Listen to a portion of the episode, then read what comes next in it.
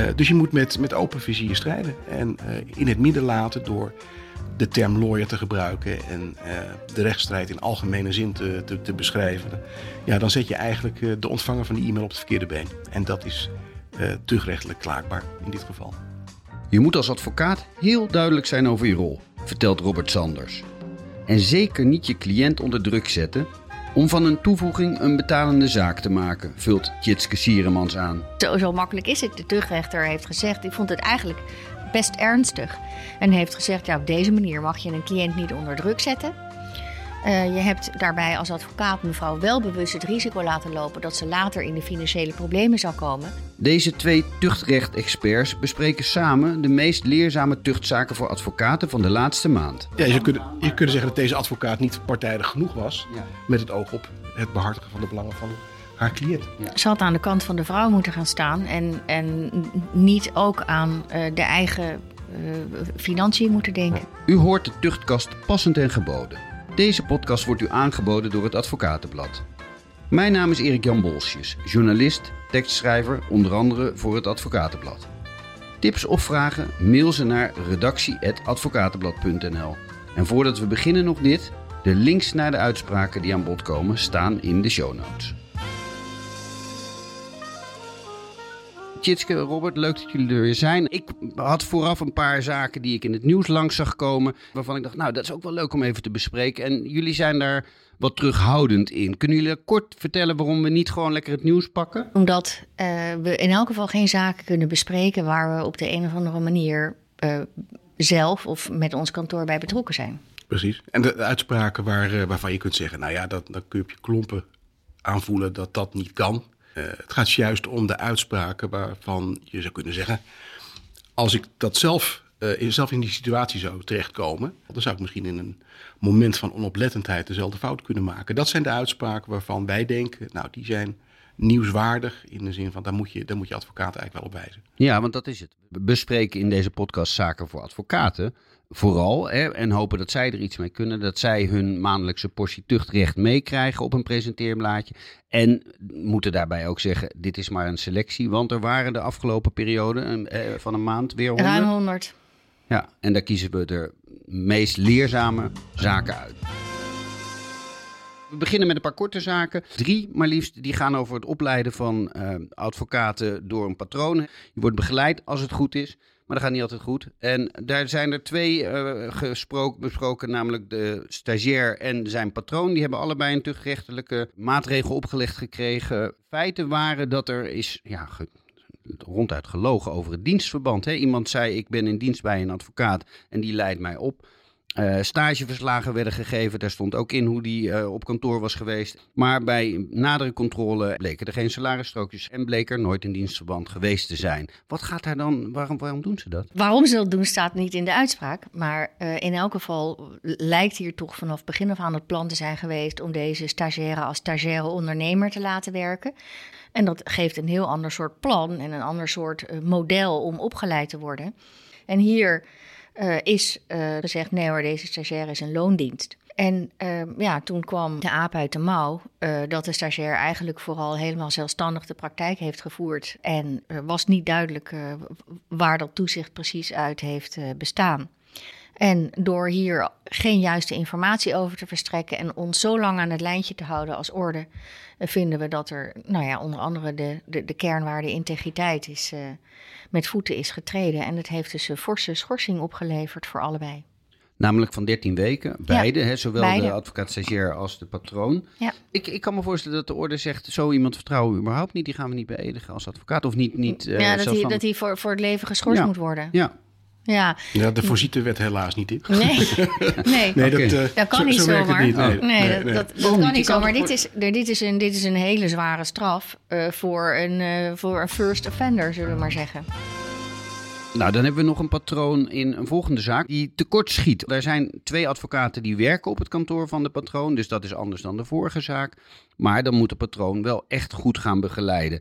Deze advocaat, stagiaires hebben geklaagd over hun patroon bij de orde. Hebben gezegd, goh, wij zitten eh, in het personen- en familierecht. De advocaat die ons begeleidt, de patroon, die is vooral strafrechtelijk bezig. Heeft uh, daarmee eigenlijk niet de, ja, de kennis en ervaring die wij nodig hebben. En hij verwachtte op een gegeven moment zo'n 250, hij zei, uh, maakt niet uit, zo'n 250 toevoegingen per jaar. Uh, die moesten worden verwerkt door de stagiair. Uh, en een van de stagiaires maakte in het eerste jaar ook al 100.000 euro omzet. Wat voor een eerstejaars stagiair denk ik inderdaad een, een, enorm omzet is. Maar dan is de, ja, de kans dat je ook nog begeleid wordt en echt kunt leren op die zaken misschien niet zo groot. Hoe is dat bij jullie op kantoor, of Robert? Wij hebben op kantoor geen praktijk in de gefinancierde rechtshulp, dus je kan het niet goed vergelijken. Maar je ziet in de uitspraak dat het wel, dat de, volgens mij was het de orde in Utrecht, heeft gezegd: wij denken dat de normale omzet voor een eerstejaars stagiaire in een gefinancierde rechtshulppraktijk 35.000 euro is en geen 100.000 euro. Maar los daarvan ging het natuurlijk om de tijd die de patroon doorbracht met de stagiaires. En daarvan is gezegd, je had er twee, dat vinden we al veel. En uh, in dit geval was de advocaat uh, uh, zoveel weg van kantoor. En daar zaten dus wel twee stagiaires die voor 80% familierechtpraktijk moesten doen. En daar geen enkele andere begeleiding bij hadden. En dat is natuurlijk vraag om ongelukken. Al hadden ze dus een goede omzet. Dus ja. ze hebben wel veel werk verzet. Ja, ja. En, en ik wil niets ten nadele van deze stagiaires. Want dat waren misschien uitstekende juristen die een heel goed zelflerend vermogen hadden. Ik weet het allemaal niet. Maar begeleiding ontbrak in elk geval. Daar hebben ze zelf ook over geklaagd. En nou, daar is dus ook wat aan gedaan. In dit geval dus niet tegen de stagiaires, hè, maar uh, de patroon heeft uh, een voorwaardelijke schorsing van zes weken opgelegd gekregen. En hier heeft de raad ook gezegd, ja, het lijkt ons niet voor de hand liggen dat deze patroon de komende jaren weer een nieuwe stagiaire mag krijgen van de orde. Waarom zou je als, als patroon überhaupt twee stagiaires willen begeleiden en dan ook nog op een vakgebied wat niet je eigen vakgebied is? Wat, wat kan daarachter zitten? Nou, het kan zijn dat je heel veel zaken aangeboden krijgt op een vakgebied waar je zelf geen tijd voor hebt of wat je zelf niet beheerst. En dat je hoopt daar ook uh, een ontwikkeling in door te maken als kantoor en daarom mensen aan te nemen die daarop gaan werken. Ja, je zegt het heel aardig, maar het is dus eigenlijk gewoon een manier van, voor een kantoor om uh, zijn zaken uit te breiden, om gewoon snel meer business te maken. Ja, ik weet niet of dat hierachter zit. Uh, jij nee. zegt het, ja. Erik Jan. Uh, het is in elk geval hier gebeurd. Ja, oké. Okay. Uh, zes weken uh, voorwaardelijke schorsing. Uh, want deze advocaat, he, die patroon, heeft ook gezegd: ja, maar ik zie wel in dat het niet helemaal goed is gegaan. Ja. Heeft er een coach bij, bij in de arm genomen. En daarmee is de orde dus ja, enigszins, of de, de tuchtrechter enigszins mild. Ja, ja. Duidelijk. Um, nou, mooi. Maar die, die begeleiding, die, die komt dus nauw. Ja, het, daar wordt echt wel naar gekeken. Ja. Dan hebben we een zaak eigenlijk over het hebben van een kantoorwebsite. De, er is een kantoorbezoek geweest van, uh, vanuit de orde. Hè, dat gebeurt met regelmaat. En uh, deze advocaat had geen website. En daar heeft de deken iets over gezegd. Er zijn negen actiepunten besproken die die advocaat alsnog zou uitvoeren. Er is geremind, er is geremind, er is gevraagd, er is nog eens gevraagd. En uiteindelijk, nou, anderhalf, twee jaar later, uh, is die website er nog steeds niet. En wat is het probleem van het niet hebben van een website? Even eerst. Dat heeft te maken met een verplichting die in de VODA staat, de verordening op de advocatuur. Dat is geen gedragsregel. Dus er is niet zoveel ruimte om daar zelf uh, naar eigen inzicht invulling aan te geven. Dat is een verplichting die moet je naleven. Het hebben van een website? Ja, of... Nou, je moet naar buiten toe laten weten uh, met wie gaat een cliënt zaken doen. Wat is uh, de expertise van een kantoor? Op welke rechtsgebieden is iemand uh, actief? En ingeschreven. En ingeschreven. Ja. Nou, dat ja. kun je natuurlijk prima doen via een, een kantoorwebsite. Dat is ook de reden waarom de deken er zo op hamerde. Uh, wat hij ook denk ik heeft meegespeeld, is het feit dat deze advocaat uh, de deken zo aan het lijntje heeft gehouden. Je ziet als je kijkt naar de feiten. Nou, er is eerst een afspraak gemaakt naar aanleiding van kantoorbezoek. Toen werd er gezegd, nou, op die datum gaan we, gaan we live met de, met, met de website. Nou, die datum naderde verstreken en er gebeurde helemaal niks.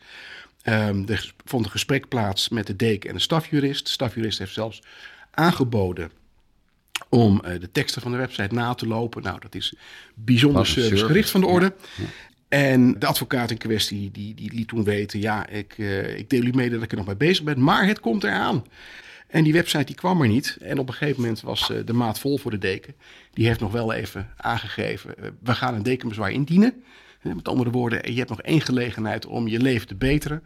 Dat gebeurde ook niet. Dekenbezwaar werd ingediend en werd ook gegrond verklaard. Op twee gronden.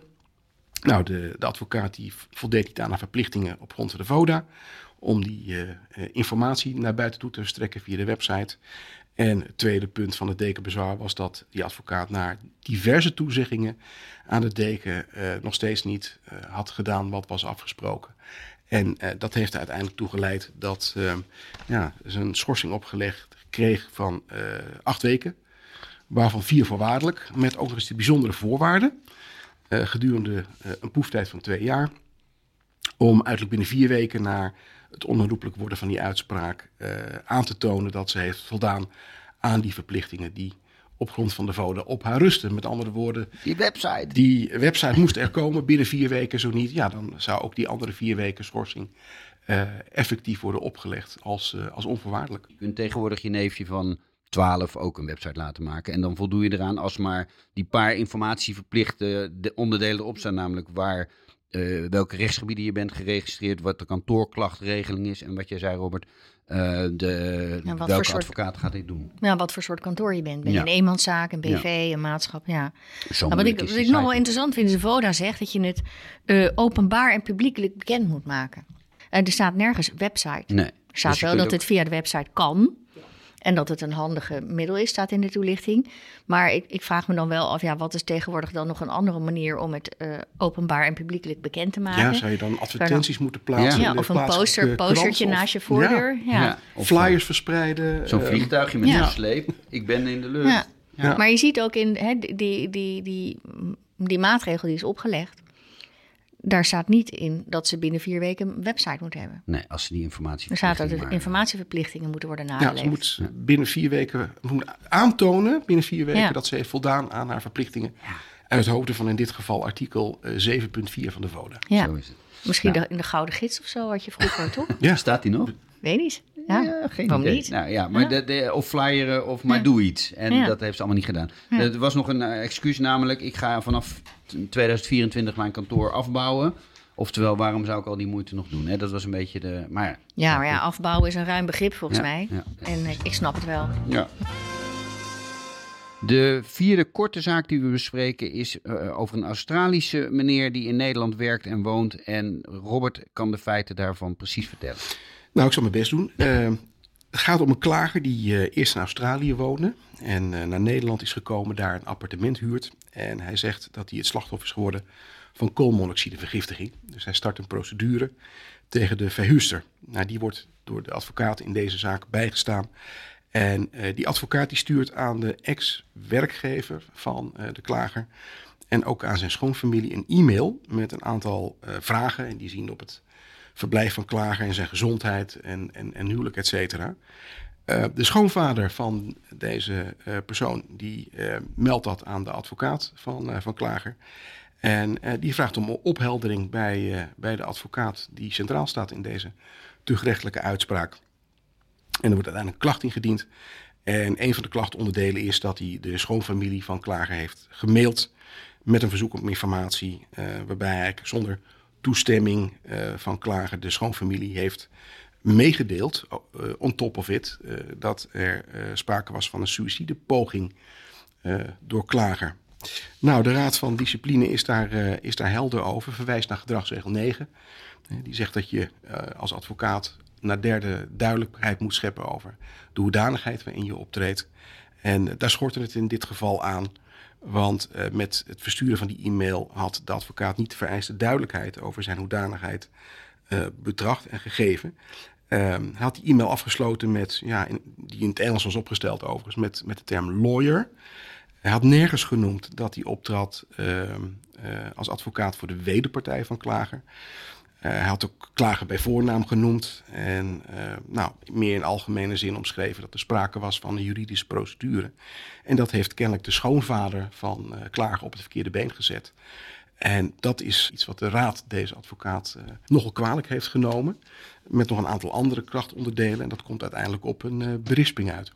En een berisping is een morele sanctie. Ja, ja. Dus het, is, uh, het heeft verder geen, geen, geen rechtsgevolgen. Anders dan dat je dat natuurlijk behoort aan te trekken. Want als advocaat heb je natuurlijk te maken met bijvoorbeeld een schorsing. Nou, dan mag je niet werken, dat is evident.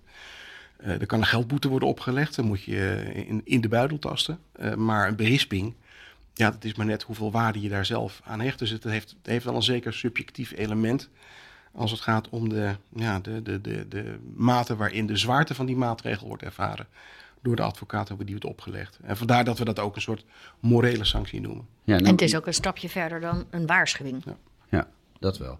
Ik ben, eh, ik ben van speculeren, jullie wat minder. Maar ik kan me zomaar voorstellen dat deze advocaat zich er niet zoveel van aantrekt. En ik baseer dat op wat ik verder erover gelezen heb. Hij heeft zich kwetsend, schokkend, beledigend uitgelaten over uh, deze Australische meneer.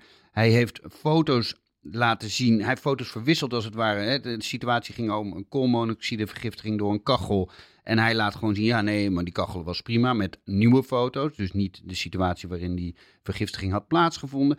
En hij um, uh, heeft een medisch dossier onterecht, onrechtmatig opgevraagd. En als laatste, de, ja, hij heeft huurdata vervalst. En als laatste heeft hij ook de griffier opdracht gegeven om tekst in de procedure te veranderen van schuldig naar onschuldig. Dan ben je toch een horkerige advocaat, om het maar netjes te, te zeggen. Ja, en dat was nog niet alles hoor. Want uh, als je kijkt naar de maatregeloverweging. Uh, ja, dan zie je ook dat, dat, dat, de raad in het nadeel van deze advocaat uh, rekening houdt met het feit dat hij op de zitting geen inzicht in het verwijtbare van zijn handelen heeft getoond. En dat hij ook al twee keer eerder door de tuchtrechter op de vingers was getikt. En dan zou je kunnen zeggen uh, dat, dat, dat een berisping misschien eigenlijk nog wel meevalt. Ja, sterker nog, veel te aardig is. Ja, maar goed, tegelijkertijd, uh, onze podcast heet niet voor niks passend en geboden. En uh, de raad heeft dit als passend en geboden geoordeeld om als maatregel op te leggen. Nou, je ziet ook dat de, de raad er rekening mee houdt dat dit ging om een advocaat van de wederpartij. En dan heb je altijd een, een overweging dat uh, een advocaat van een wederpartij een grote vrijheid toekomt om de zaak te behandelen en in te richten zoals hij of zij dat vindt dat dat moet. En dat met sommige van de dingen die jij hebt genoemd net, Erik Jan, uh, die, nou, die grenzen van die vrijheid niet zijn overschreden. Maar dan ben je, dan geef je toch zo'n advocaat de ruimte om zich te blijven ja, misdragen. Want het is gewoon slecht gedrag. En je, zo iemand bij jullie op kantoor, ja, die nou, houdt niet lang, denk ik. Nou, nou, nou, ja, kijk, um, de advocaat mag ook wel de luis in de pijl zijn.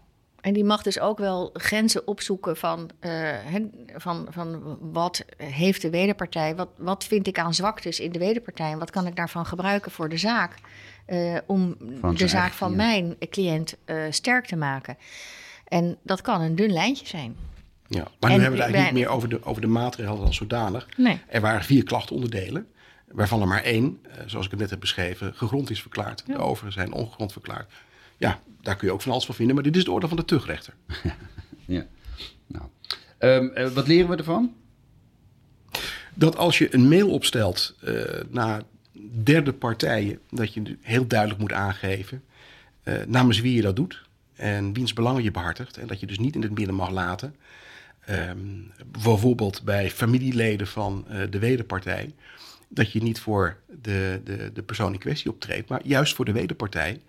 En dat je dus niet langs die weg allerlei informatie uh, moet kunnen opvragen en ontfutselen, hè? Ja. zomaar eens te zeggen. Uh, dus je moet met, met open vizier strijden en uh, in het midden laten door de term lawyer te gebruiken en de rechtsstrijd in algemene zin te, te, te beschrijven.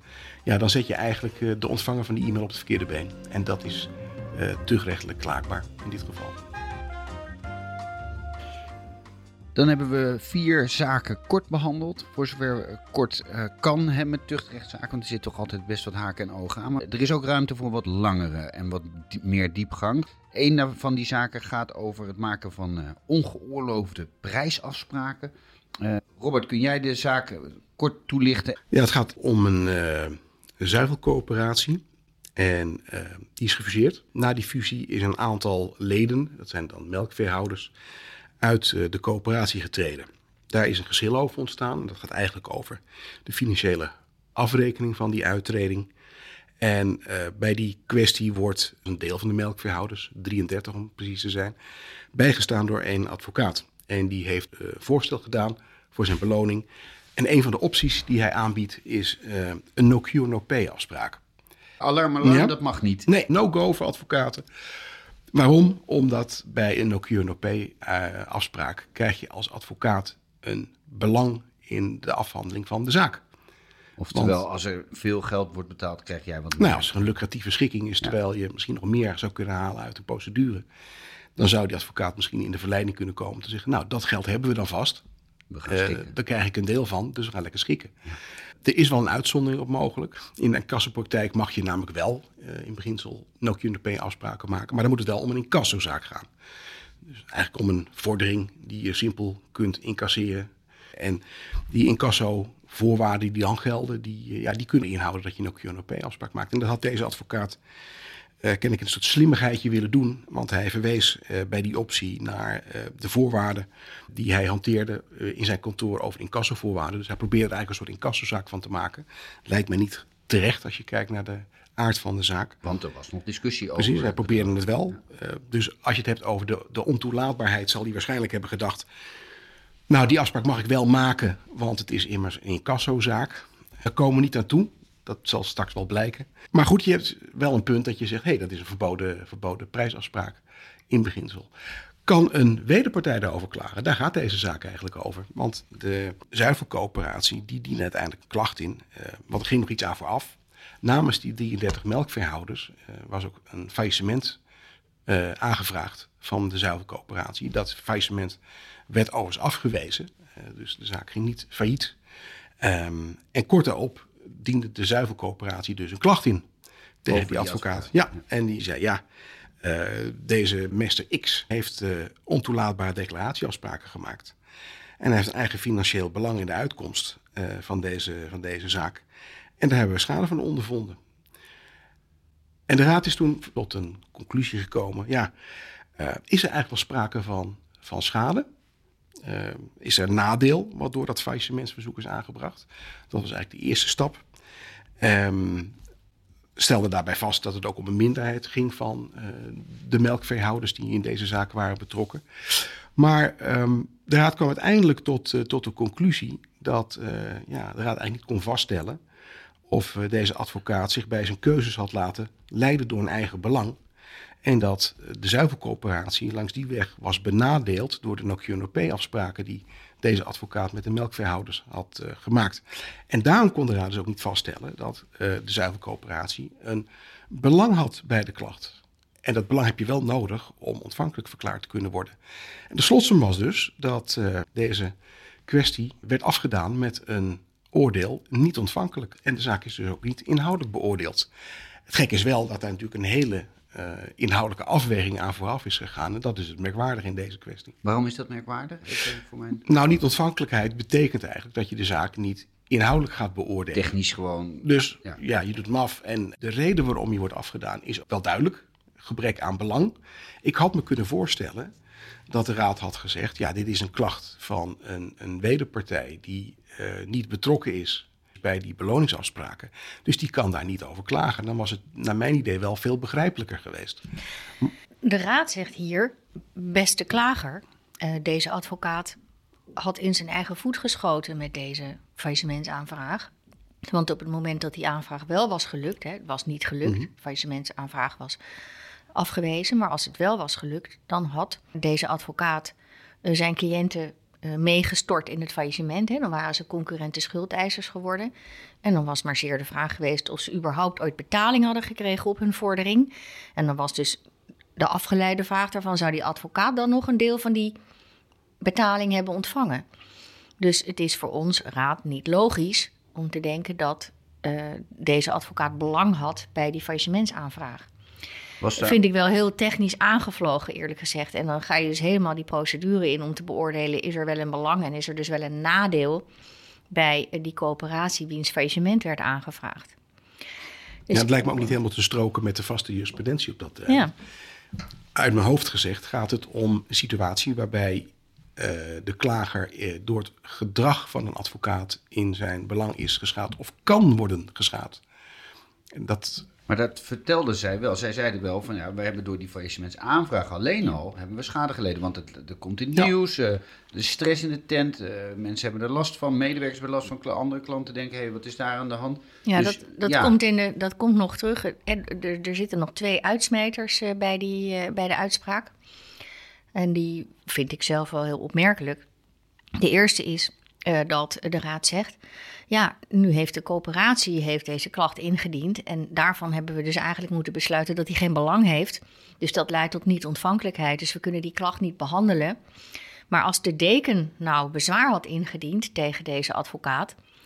Dat had de coöperatie wel gevraagd. De coöperatie had aan de deken gevraagd: wilt u niet klagen hierover? Maar de deken had daarvan afgezien.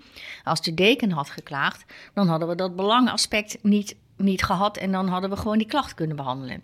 Want het dekenbezwaar had wel, eh, Ja. was sowieso ontvankelijk geweest. Ja, Ja, de de deken wordt deken hoeft geacht dus- in het algemeen belang te klagen. Dus Ja. die hoeft niet een persoonlijk belang te stellen. Ja. Of een belang van een, van een, van een willekeurige klager te stellen. En de tweede uitsmijter is dat eh, dus op de zitting eh, bij de raad heeft de coöperatie gezegd... Ja, het gaat niet alleen om no cure no pay, maar we hebben echt heel veel problemen gekregen door die faillissementsaanvraag. Het heeft de publiciteit gehaald. eh, we hebben daar echt nadeel van ondervonden.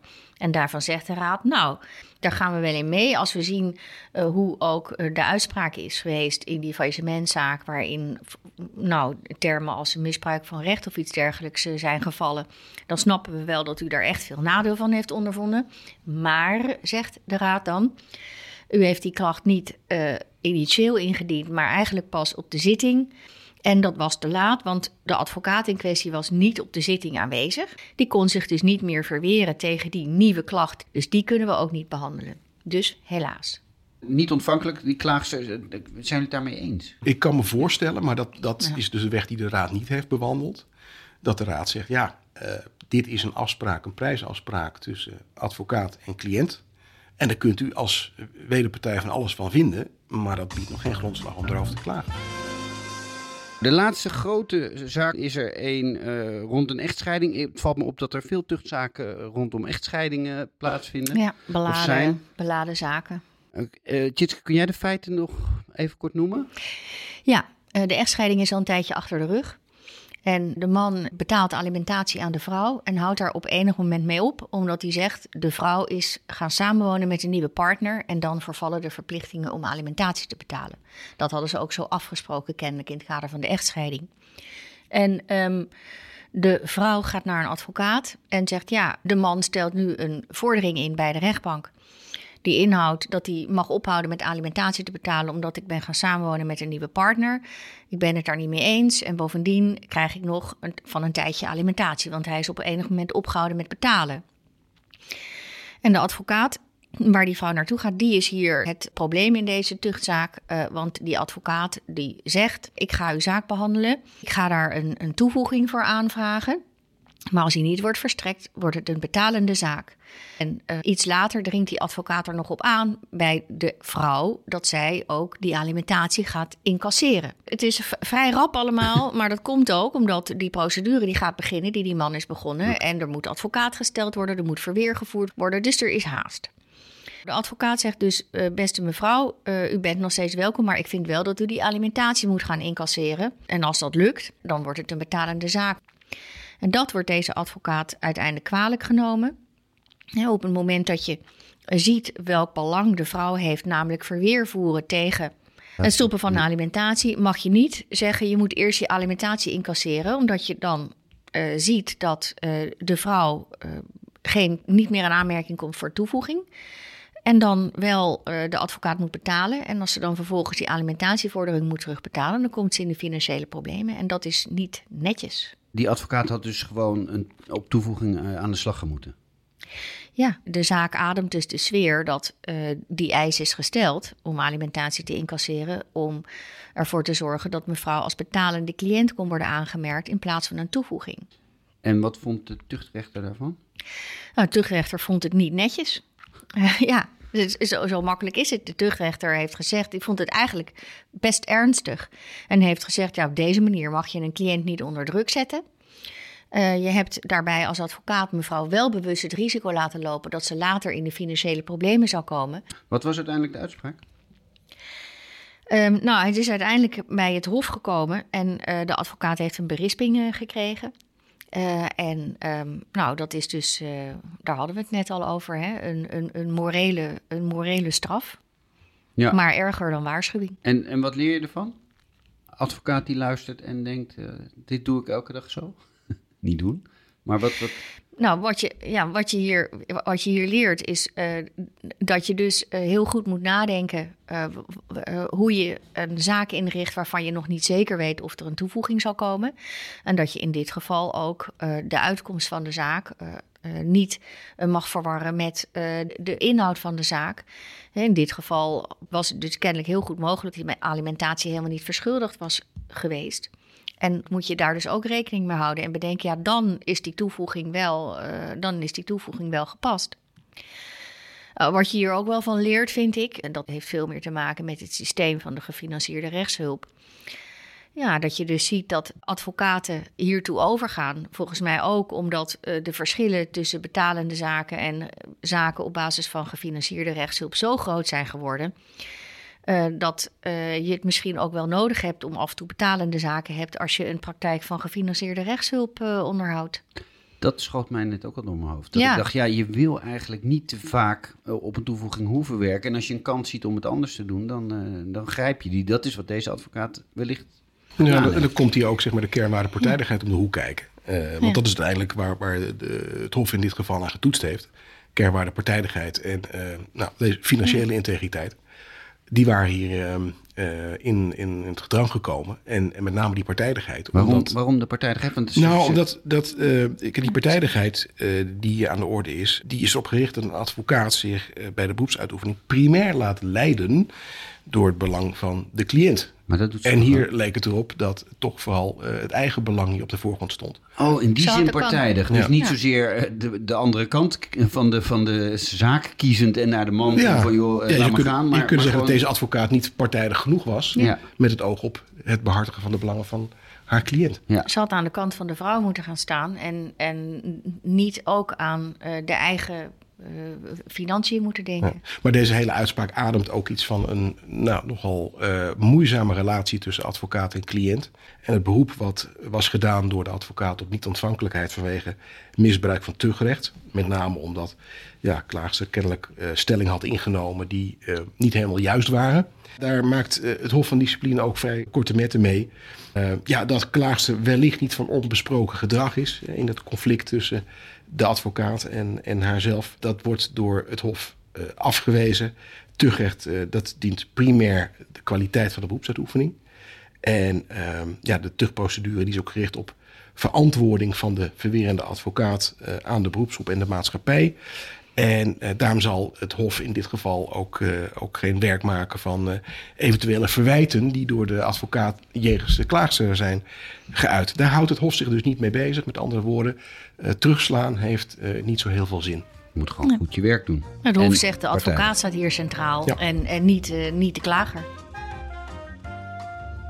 daarmee zijn we aan het einde gekomen van uh, deze aflevering. Althans, uh, het bespreken van de actuele zaken. Want uh, Robert heeft een column voorbereid over een wat oudere zaak die nog steeds heel relevant kan zijn. Want we willen toch ook een beetje de geschiedenis van het tuchtrecht meenemen, al is het vrij recente geschiedenis. Robert. De Toscaanse brandstichting. Een aantal jaar geleden was een Nederlandse advocaat gast in een huis in Toscane. Met de eigenaresse en haar verloofde gaat eerst een pizzatje eten in een nabijgelegen restaurant. Er wordt vooral door de advocaat nogal wat gedronken. Bij aankomst in de woning, eh, het loopt dan naar middernacht, is voor de huisgast het feest nog niet voorbij. Hij stoort de gastvrouw en haar verloofde is zelfs in de slaapkamer met het verzoek om hem in de plaatselijke bar af te zetten. De gastheer gaat daar niet op in en verwijst hun gast naar de logeerkamer op de begane grond. Rond twee uur hoort de gastheer een vreemd geluid uit de keuken en hij ruikt brandlucht. Hij staat op en in de keuken ziet hij vlammen van een meter hoog uit de haard slaan. Na zeven stoelen die in de haard zijn opgestookt, is ook de nodige huisraad ten prooi gevallen aan het haardvuur. En alles wijst erop dat de huisgast de pyromaan van dienst is geweest. Als de politie arriveert en de advocaat wekt, merkt hij droogjes op: mag ik soms geen vuurtje maken? Geval van misbruik van gasvrijheid zou je denken. Vooral een civielrechtelijke kwestie, omdat de schade in de tienduizenden euro's loopt. Maar de gastheer en gastvrouw die dienen een tuchtklacht in tegen de arsenieke advocaat. En die klacht wordt ook inhoudelijk beoordeeld. De Raad van Discipline, het Hof van Discipline, zijn het erover eens. Hoewel de gedragingen waarover wordt geklaagd, namelijk brandstichting en vernieling in een woning in Italië, zich in de privésfeer hebben voorgedaan, overweegt het tuchtrechter dat ook wanneer een advocaat optreedt in een andere hoedanigheid, bijvoorbeeld in privé, voor hem het advocatentuchtrecht blijft gelden. Indien hij zich in die andere hoedanigheid gedraagt op een wijze waardoor het vertrouwen in de advocatuur wordt geschaad, zal het algemeen sprake zijn van een handelen of nalaten in strijd met hetgeen van een behoorlijk advocaat wordt verwacht. De advocaat zal in dat geval een tuchtrechtelijk verwijt gemaakt kunnen worden. Verder geldt dat privégedragingen van een advocaat alleen dan tuchtrechtelijk van belang zijn indien een voldoende verband bestaat met de praktijkuitoefening of als de gedraging voor een advocaat in het licht van zijn beroepsuitoefening absoluut ongeoorloofd moet worden geacht. De advocaat in dit verhaal brandt zijn vingers aan het tweede criterium. Zijn gedragingen moeten voor hem in het licht van zijn beroepsbeoefening absoluut ongeoorloofd worden geacht. De verweten gedragingen raken aan de integriteit en betreffen al dus de kernwaarden die voor hem gelden, zodat de verweten gedragingen daarmee vatbaar zijn voor tuchtrechtelijke toetsing, al dus het Hof van Discipline. De tuchtrechter stelt ook vast dat de advocaat onder invloed van alcohol de brand in de woning moedwillig heeft veroorzaakt, althans moedwillig heeft gevoed en dat hij daarnaast vernielingen heeft aangebracht in de woning. Vooral omdat de advocaat tegen het verwijt van brandstichting nauwelijks gemotiveerd verweer voert. Wat ook meespeelt, is dat de voormalig werkgever van de advocaat had gewezen op voorgaand grensoverschrijdend gedrag als gevolg van problematisch middelengebruik en dat de advocaat eerder voorwaardelijk was geschorst vanwege, kort gezegd, wangedrag onder invloed van verdovende middelen. Voor het Hof van Discipline is er geen aanleiding om tot een ander oordeel te komen dan de Raad. En de schadebedrag voor deze advocaat een onvoorwaardelijke schorsing van 26 weken. De tuchtrechtelijke toets van privégedraging van advocaten blijft telkens weer een wat opmerkelijke kwestie. Omdat het hoofddoel van het tuchtrecht hoofdzakelijk betrekking heeft op het bewaken van een behoorlijke beroepsuitoefening. Deze beslissingen van Raad en Hof laten zien dat de tuchtrechter van advocaten wellicht niet een onberispelijke levenswandel vraagt, maar wel een grens trekt bij ontoelaatbare privégedragingen. Ook als die privégedragingen zich bijna 1500 kilometer van huis hebben afgespeeld in de beslotenheid van een Toscaanse woning. U luistert naar de podcast De Tuchtkast, passend en geboden. En als je er meer over wil weten en vooral ook de link naar de uitspraken die we besproken hebben, die staan allemaal in de show notes. Laat ons weten wat je ervan vindt. Abonneer je in je favoriete podcast-app en mail eventueel met vragen of tips naar redactie.advocatenblad.nl. Over een maand zijn we er weer. Dank voor het luisteren.